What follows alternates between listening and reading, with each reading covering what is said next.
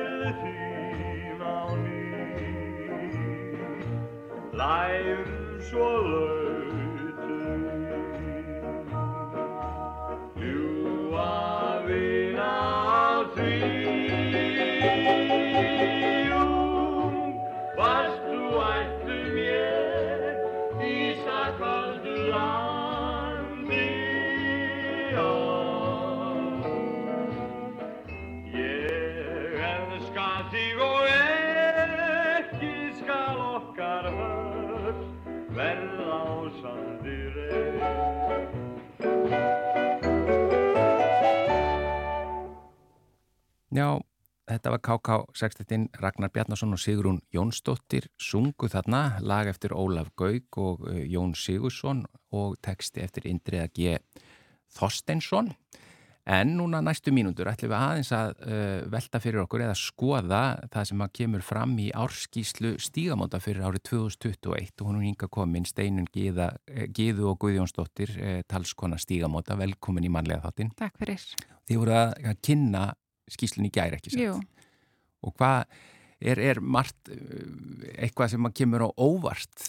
Um, nei, þannig kannski ekki margt sem kemur á óvart beinlis en, en, en, en þegar við töl, tökum saman tölunar okkar þá er alltaf, þá, þá hérna sjáum við oft svona skýrari mynd af því ofbeldi sem fólk er að koma til okkar vegna. Já. Eitt af því sem eru þetta merkilegt e, fyrir ári fyrir að vara þetta bara aukningin í aðsókn á stígamót. Við höfum aldrei tekið á móti jafn mörgum nýjum brotaþólum til okkar í viðtal. Það voru í heildina komið til okkar rúmlega 950 manns, þar að voru 465 að koma í fyrsta skipti og við reykjum þessa aukningu mestmægnis til bara MeToo-bylgjunar sem að fór af stað aftur í fyrra. Já, svona Og- vitundavakningar. Já. Já, ekki endilega að það hafi verið aukin e, mál. Nei, ég held, ég, ég veit það ekki alveg, en, en við fundum náttúrulega mjög skýrt fyrir því að hérna, MeToo-bylgjan fór af stað mjög svona, hérna, uh, já, mjög, með skýrum hætti í mæ og bara þá ringdu 170 manns og, og vildu bóka viðtal. Já, Þannig að, að, hérna, þannig að það er augljóst að þegar umræðan verður mikil og, og sérstaklega eins og í fyrra þegar við fyrir að ræða mjög mikið um gerendur ofbeldisins og, hérna, og hvernig þessi ofbeldisverk vo- voru að þá, hérna, þá kveikir fólk á perunni og, og setur sína reynslu í samingi við það og, og ákveður að leita sér aðstóðar við þeim afleggingum sem þau eru að upplifa í kjölfar ofbeldisins. Og þú segir að, að, að heildar uh, fjöldi þeirra sem að sóttu til ekkar voru hvað sér, 900? 950 Já, og hérna það er næstmesti fjöldi sem hefur komið til okkar á einu ári. Og við hérna fjölguðum starfskrafti hjá okkur og, og og buðum þess vegna rúmlega 3300 viðtöl í fyrra sem er miklu fleiri viðtöl við höfum áður uh, geta bóðið en samt voru 200 manns eftir á byggðlista hjá okkur um áramótin að býða eftir því að komast að. Þannig að, þannig að aðsóknin er, er mikil og það er greinlega mikil þörf á úrræðum eins og stígamótum og, og þetta heyrum við frá öðrum þjónustu úrræðum fyrir brotaþóla og opildist líka það er bara mikil aðsókn Þið, þið náið ekki að annað þessu Nei, og því miður þarf fólk að býða svolítið lengi. Við reynum eitthvað sko að forgangsraða einhverju leiti en, en hérna þegar fólk ringir og, og bókar tíma þá er viðbúið að fólk þurfa að býða í allavega 10-12 vikur eftir því að koma stað. Jú, bara þannig að það komi fram bara hérna í upphæfi að, að fólk sem leita til ykkar, það þarf ekki að borga fyrir þjónustana. Nei, nei þetta er frí þjónusta og fólk Já. kemur algjörlega á eigin forsendum og, og það sem fólk gerir hjá okkur er að það fær útlita ráðgjafa og, og hittir ráðgjafa sinn í, í viðtals við, bara í viðtölum, enga viðtölum þar sem að, að markmiðið er bara bætt lífskeiði að setja orð á ofbildi og vinna síðan með afleðingarnar Já. og það er kynferðisofbildi sem við erum semst að vinna með á, á stígamótum og hérna, og svo sýrir fólk bara ferðinu sömur nýta sér tvö viðtöl eða þrjú viðtöl, sömur koma í tíu viðtöl og aðrir koma til okkar reglulega yfir eitthvað langt tímabil, jafnvel mörg ár. Já, þetta er auðvitað margt og mismunandi og mm -hmm. hvert mál er einstakt vantarlega Já En sko, uh, þú saðir hérna við mér rétt áður um fórum í loftið að þetta er mikil talnasúpa, það er að koma mikið út úr þessu mm -hmm. bara og þá vantanlega samanbörður og annað við, við að því að saga stígamóta er hvað, 30 mhm. og... 32 ár Já. og það merkilega er að það hefur verið sapnað tölfræðigögnum meira og minna allan þennan tíma. Já. Þannig að það er til samanbörður hafð gögn alveg langt, langt eftir í tíman. Eru... Þannig að maður þakkar þessum hérna frumkvöðlum fyrir á sínum tíma að hafa verið forsjál og, og hugsa út í það að sapna góðum gögnum Já. frá brótaþólum til þess að geta varpa ljósi á kynferðsofaböldi og þetta nýtust okkur í allri stefnumótun og í allri baráttu uh, fyrir bættum kerfum fyrir brótaþólu og barátunni gegn ofaböldi. Og hvaða tölur koma svona fyrst upp sem eru svona, já, sem eru, ég veit ekki hvað, eftirtækt að verðast þar? Já, sko, í fyrra komið til okkar, langflestir voru komið til okkar í fyrra vegna nöðgana Já. og það voru um 67%. Þetta var hérna áður fyrr, ef ég mann rétt, þá var þetta þannig að, flest, að, að þetta var svolítið svona 50-50 að koma vegna nöðgana og vegna sefjaspella en núna eru margveld fleiri að koma vegna nöðgana. Þetta eru 33% sem koma vegna sefjaspella. Mm. Sefjaspell skilgrein við sem bara kynferðsofbildi gegn börnum sem framið er af einhverjum sem er svona tröst hlutverki gagvart barninu. Fjölskyldumæðlum er einhvers konar umönnunar aðli. Já. Þannig að það hefur breyst svolítið, það eru kannilega fleiri að koma vegna nöðgana og síðan var annað sem var áhugavert núna að við spurum um ástæðu komu og það voru rúmlega 21% sem sögðu ástæðu komi vera stafrænt kynferðisofabeldi sem eru þetta ný tegund eða ný byrtingarmynd kynferðisofabildis en þetta hlutall fór úr sko 8,6% í fyrra í 21% núna.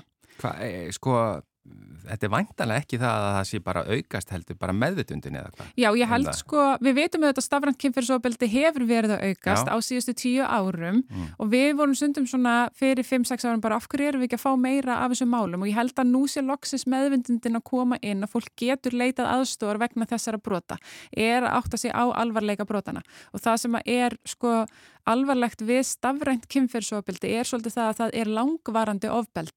að það er langvarandi ofbeldi kjarnan. Vegna þess að nöðgun er kannski ofbeldi sem, sem gerist og síðan er það búið og síðan er það að fást við afleðingarnar. En stafrænt kynferðsofbeldi er svolítið svona ógn sem þú átt alltaf yfir höfðið þér.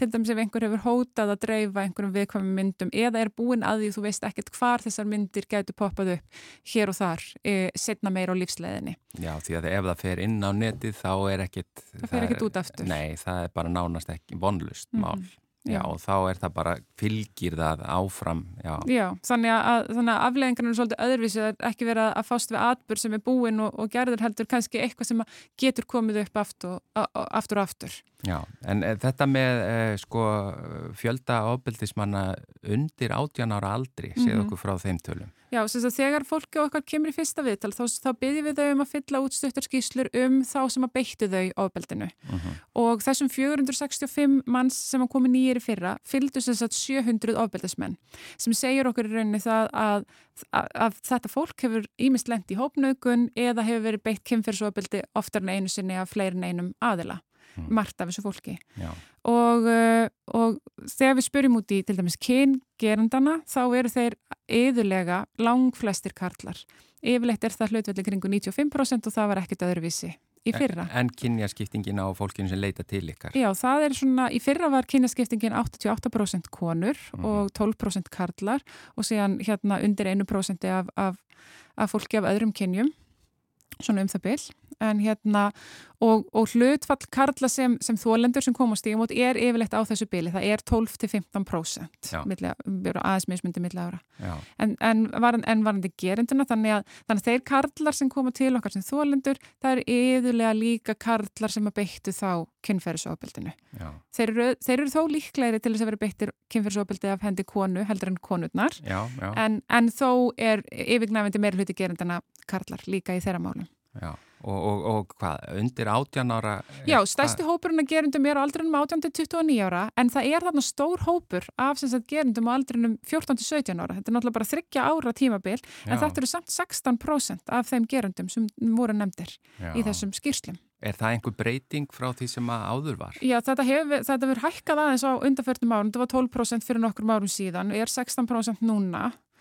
Um, þannig að, að vissulega hefur þetta alltaf verið til staðar en þetta samt er áhugjefni að þetta skuli vera bara þetta þryggja ára tímabil 14-17 skuli vera 16% að gera þetta, það er áhugjefni og, og segir okkur bara svolítið að, að við þurfum að, að gefa enn betur í þegar kemur að forvörnum gegn kynfyrsopildi þurfum að fræða þessa ungu stráka að því að það er, þú veist, þeir vilja öruglega ekki vera gerundur kynfyrsofabildis og það þarf að bæði bara grípa inn í andlega líðan hjá þeim og fræða þá betur um það hvað kynfyrsofabildi er og hver er munurinn á kynfyrsofabildið og síðan kynlífi.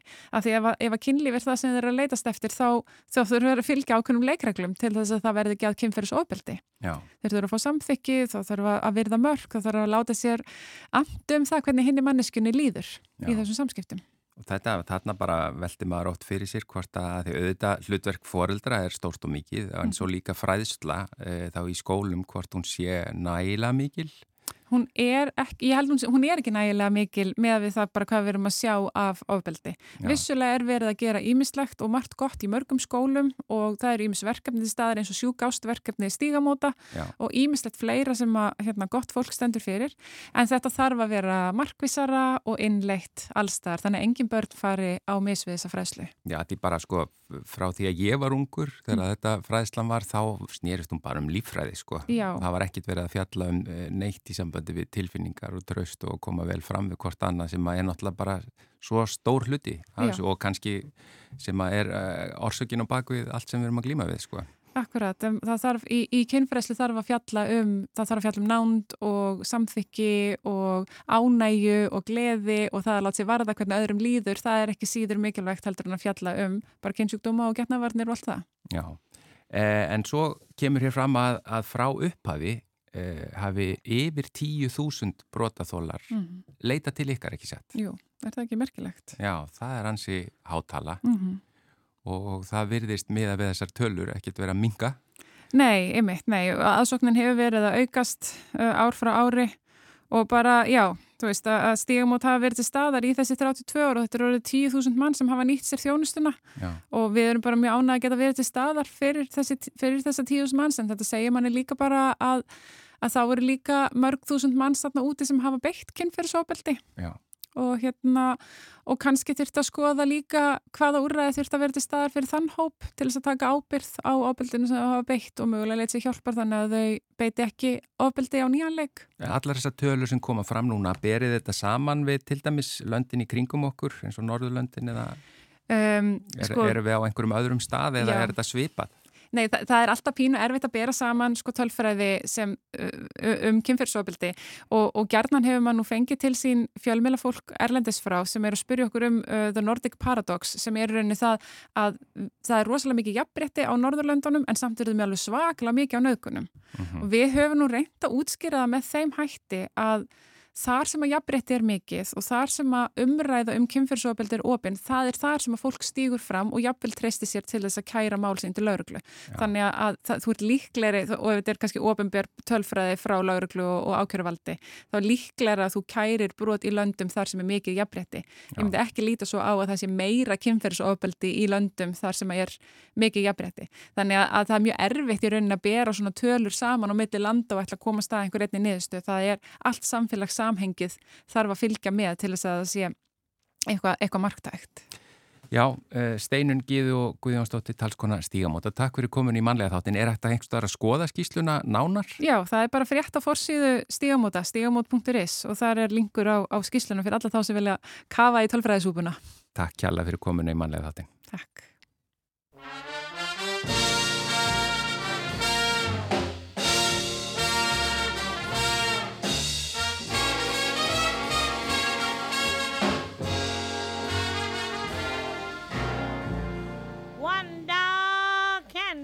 Stormy night.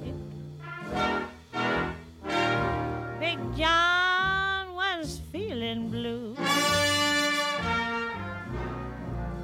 Things didn't seem right. So he didn't know just what to do.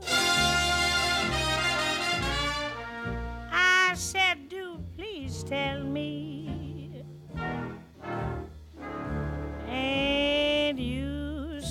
satisfied? He looked around, so pitiful. And to me he replied, Keeps on raining. Look how it's raining, Daddy he can't make no time.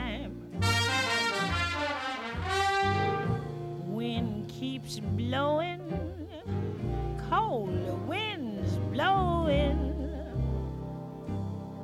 Soon I'll find in the winter time when it starts to snow. I know, Billy You've got to have some dough.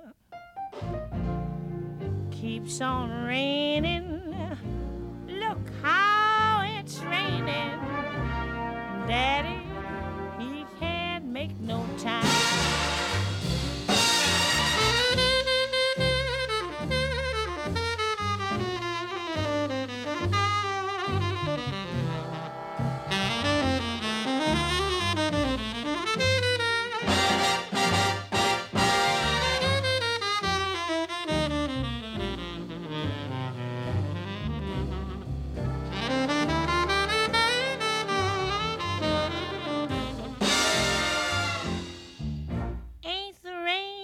Just beautiful, some people say, but I'd rather see it in a fine movie play.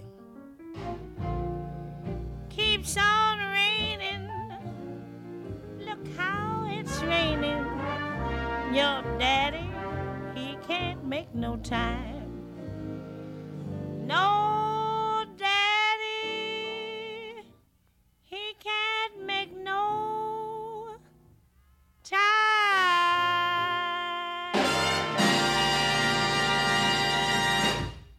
Keeps on Raining, þetta var Billie Holiday lag eftir Spencer og Mander uh, og við bendum á að í spilara rúf.ri á rúf.is er hægt að sjá frábæra heimildamind um Billie Holiday.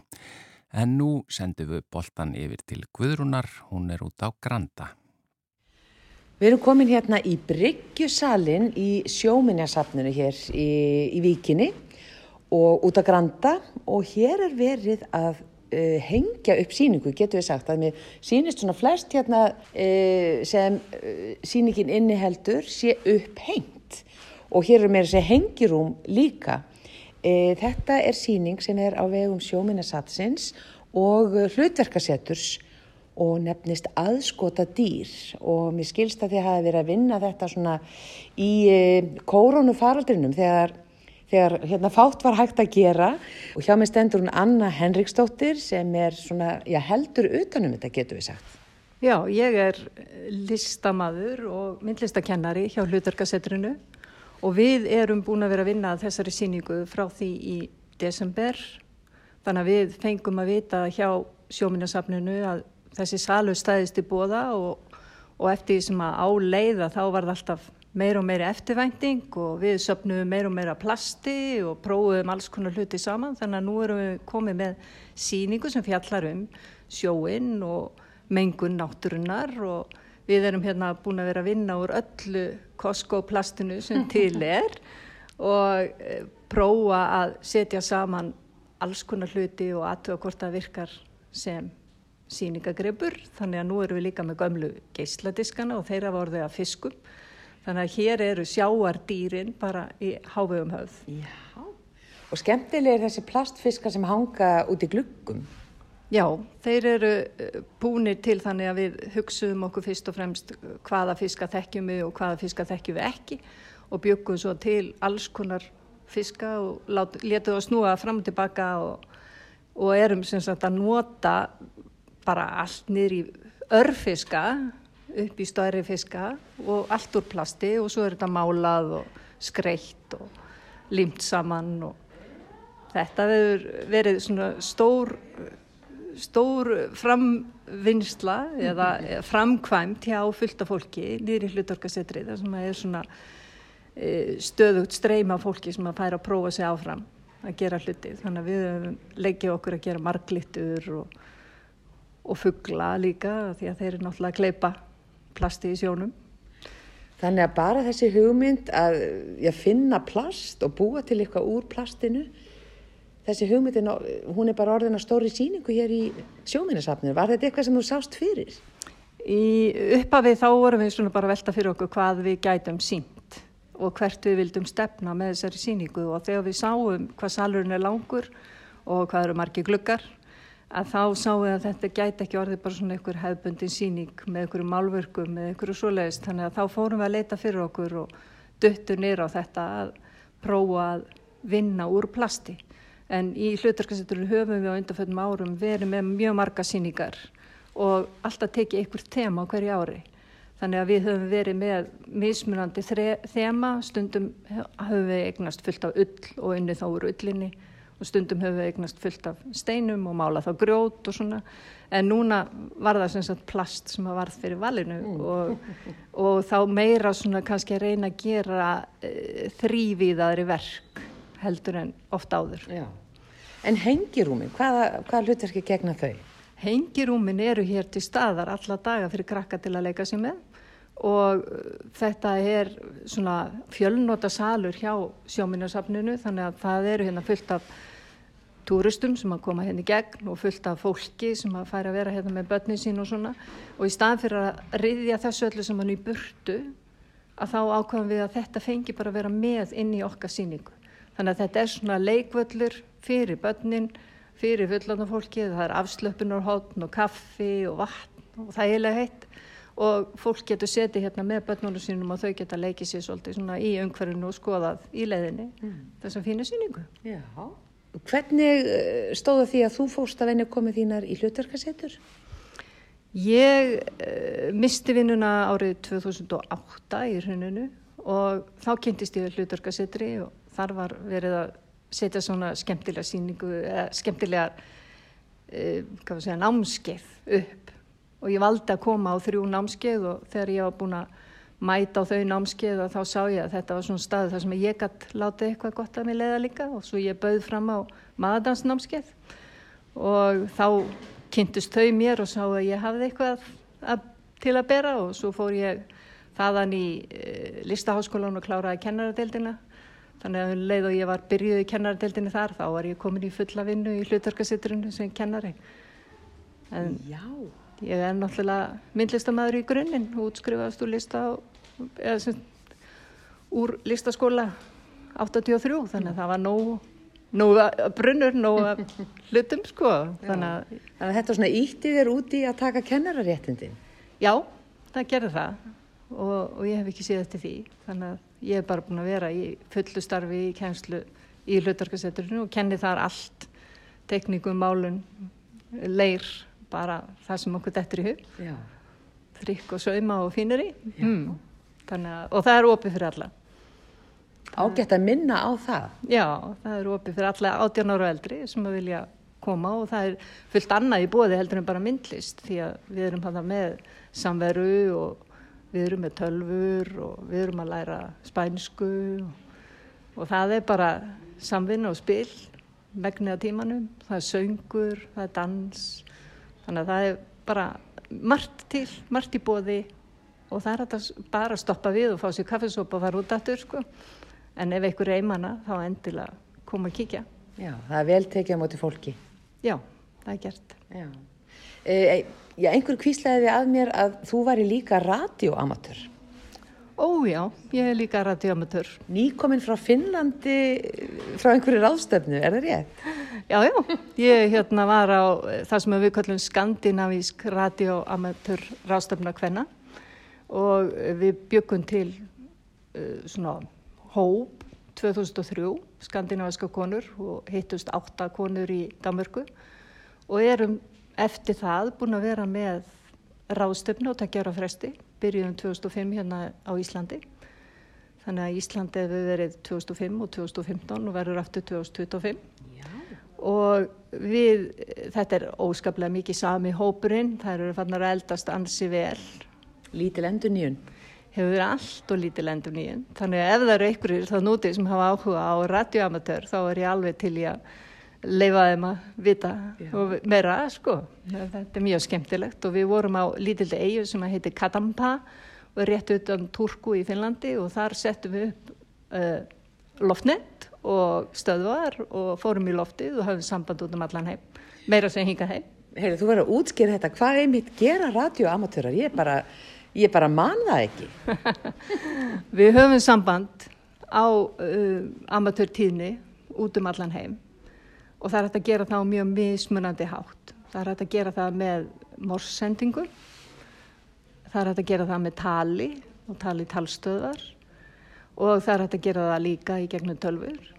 Þannig að það er eitt. Svo er hægt að fara líka og klifra upp á trí eða upp á fjall og setja út loftneti sitt og reyna ná sambandi við heiminn þannig. En þú getur líka verið með eitthvað svaka loftnett út í skói sem þú setur upp eða á einhverjum fleti eitthvað staðar og náðu öllum heiminum og þetta er svolítið spusmálum sko jóna loftið hjá okkur við lendum oft í því hérna á Íslandi að það er bara svona svo teppi yfir landinu því að það er, þá erum við með svona fallið norðuljós og þau trubla sendingarnar.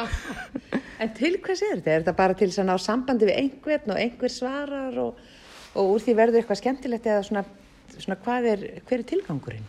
Já, tilgangurinn er einmitt að hitta fólk út í heimi á þess að þurfa að ferðast.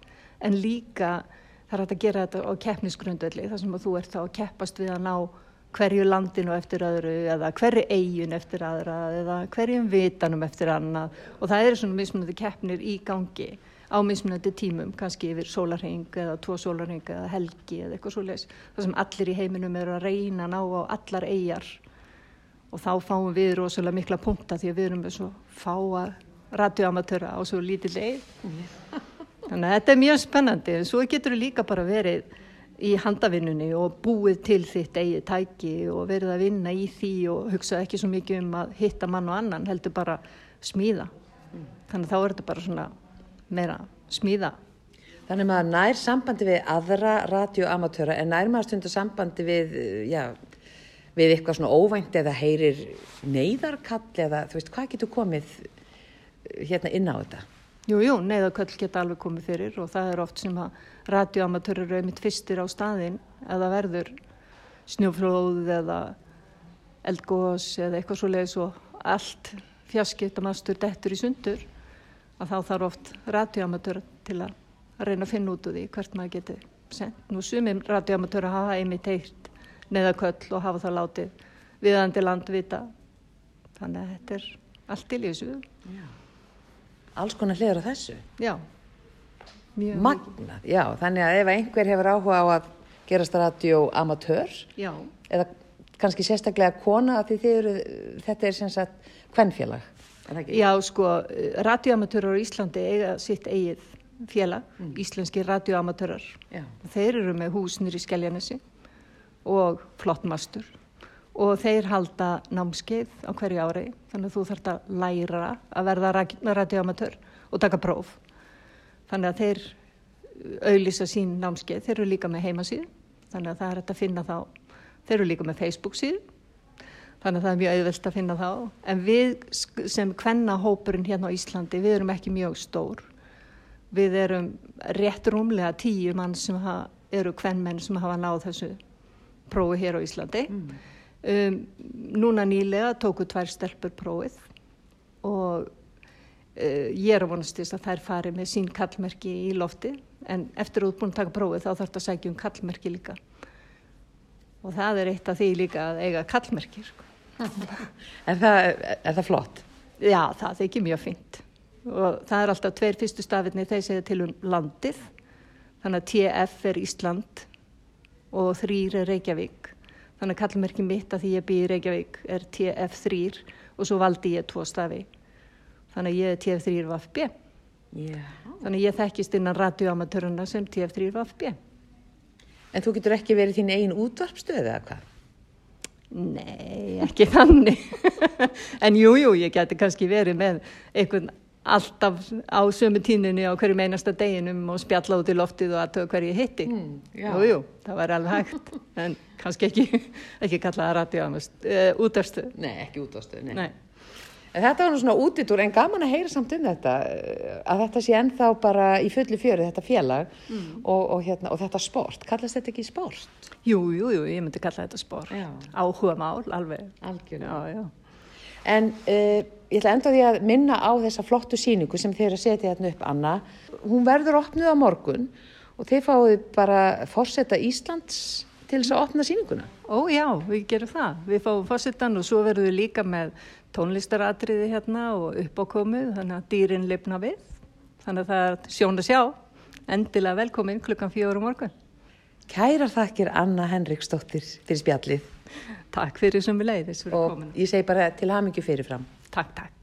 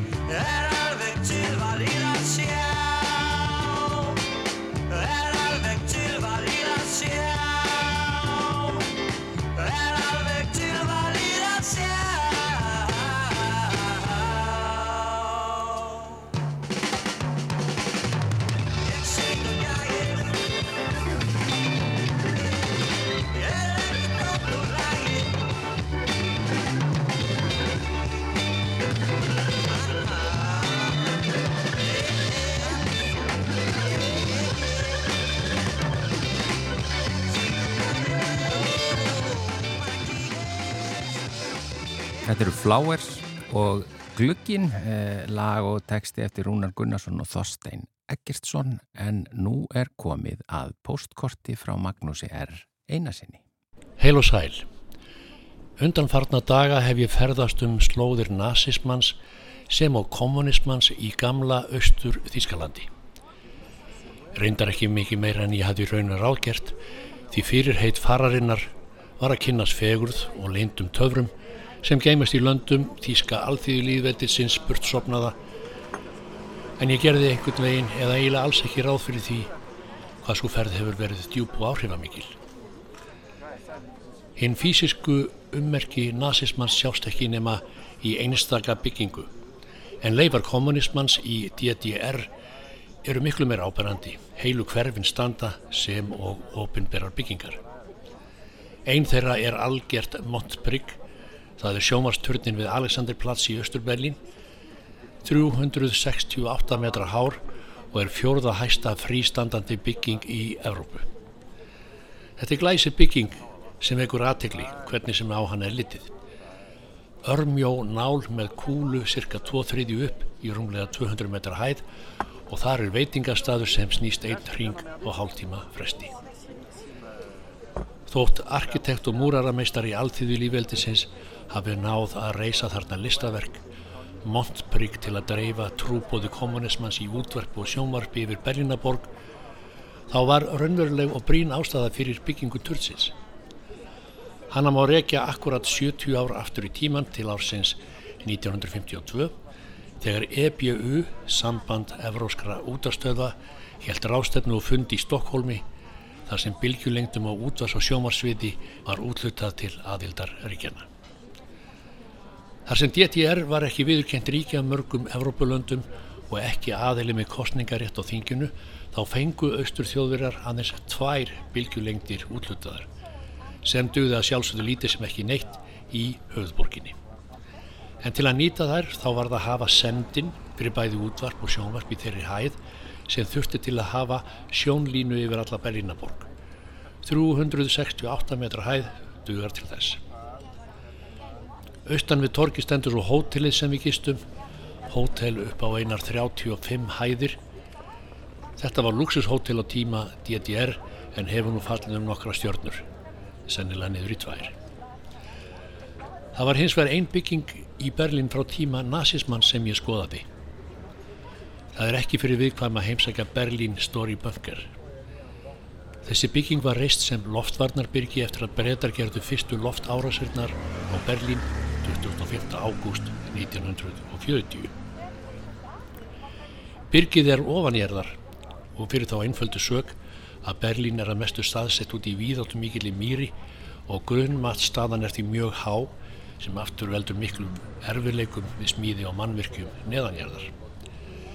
Þakið á byrginu var gert úr 30 metra djúpum steipuklumpi sem var svo sterklega byggt að þakið þóldi það auðveldlega þegar 500 kg þung sprengja úr bandaríkri sprengjuvél lendi á því í einni loftarásinni.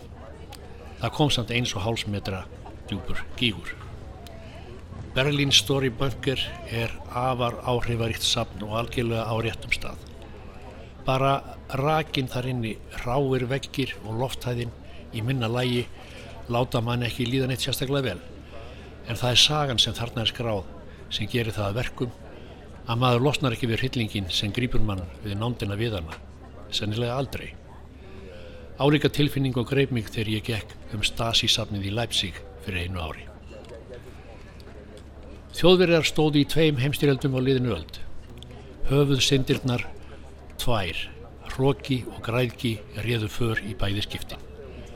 Afleiðingarnar hörðu skelvilegar, 20 miljónir manna fjallu, þýsku þjóðin var skipt með múr og gattavýr í áratvíi. Eftir þessu ógnarlegu styrjöld ríkti djúb niðurlæging og skömm. Það ríkti vantraust, vænisíki og öfgar á báða búa. Það voru leynilöggur á baku hverja hörð og njóstnari í hverjum skugga. En það til margsum aflið í þýsku þjóðinni að hún jafnaði sig fljótt ökonomíst eftir fall þriðja ríkisins 1945 og einni eftir fall múrsins 1989.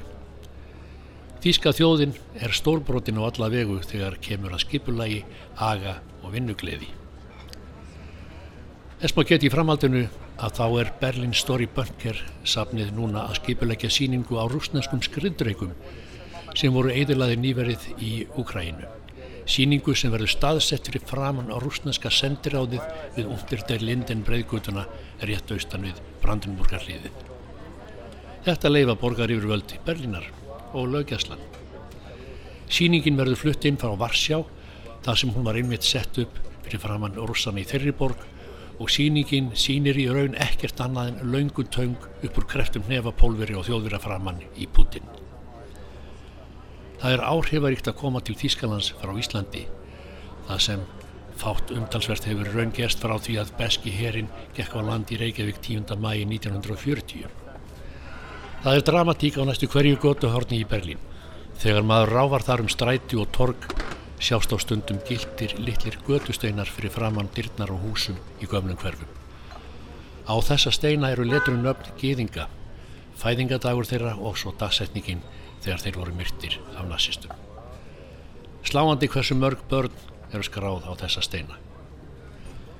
Og svo stendum maður aðeins nokkrum dögum síðar í gardinum norðan við Maríukirkjunni í Stralsund og les nöfnin á leiði rústenskra hermana sem þar eru grafnir flestir í nokkrum fjöldagröfum.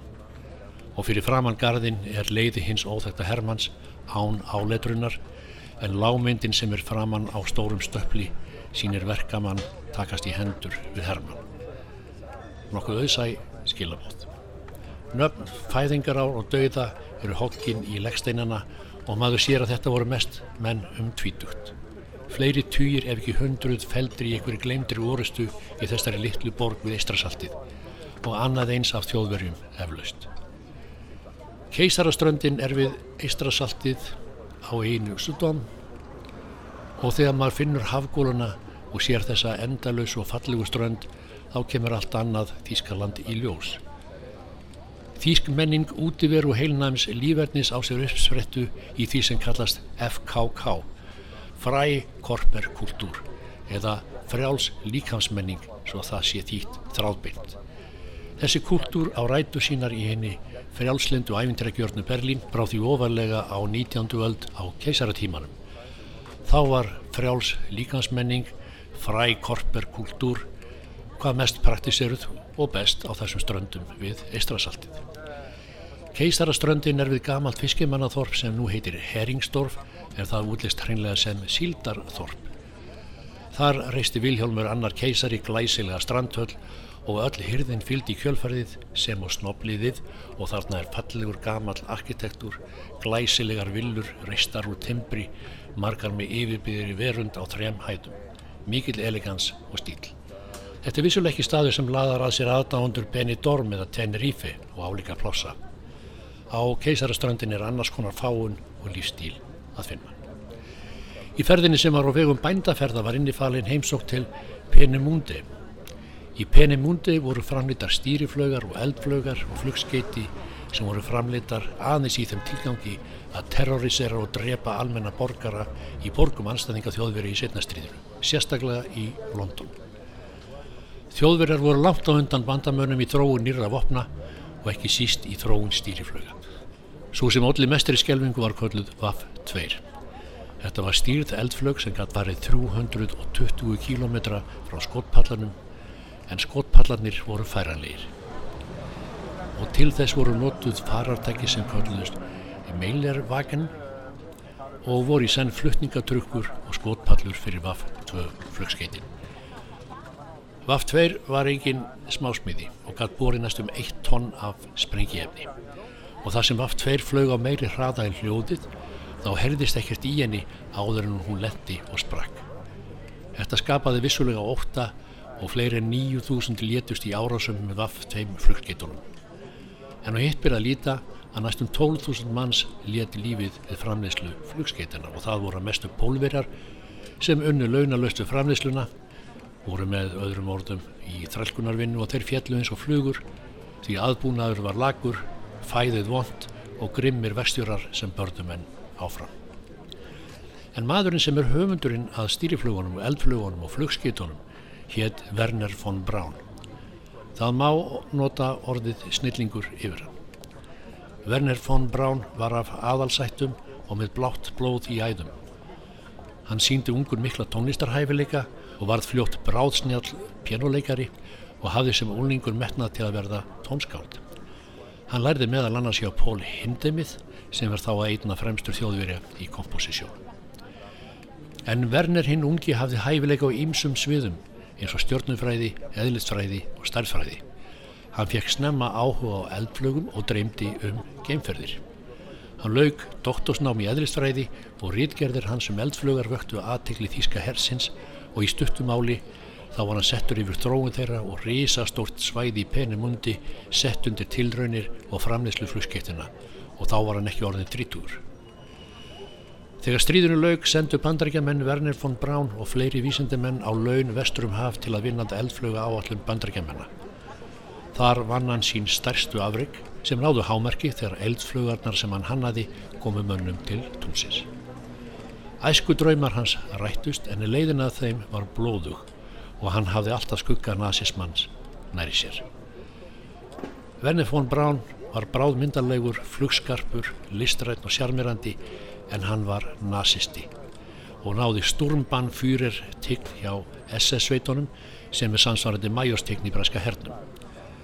Dömurnar fjallu fyrir honum og hann var sagður mikill hvernarbósi.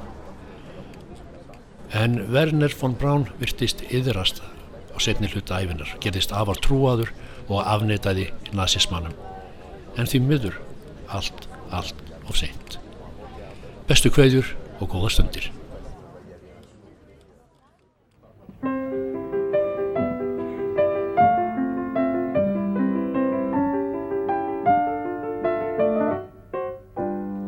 Gather round while I sing you of Werner von Braun, a man whose allegiance is ruled by expedience.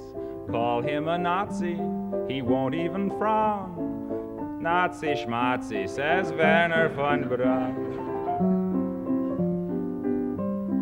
Don't say that he's hypocritical, say rather that he's apolitical. Once the rockets are up, who cares where they come down? That's not my department, says Werner von Braun. Some have harsh words for this man of renown, but some think our attitude should be one of gratitude, like the widows and cripples in old London town, who owe their large pensions to Werner von Braun. You too may be a big hero once you've learned to count backwards to zero. In German or English, I know how to count down. And I'm learning Chinese, says Werner von Braun.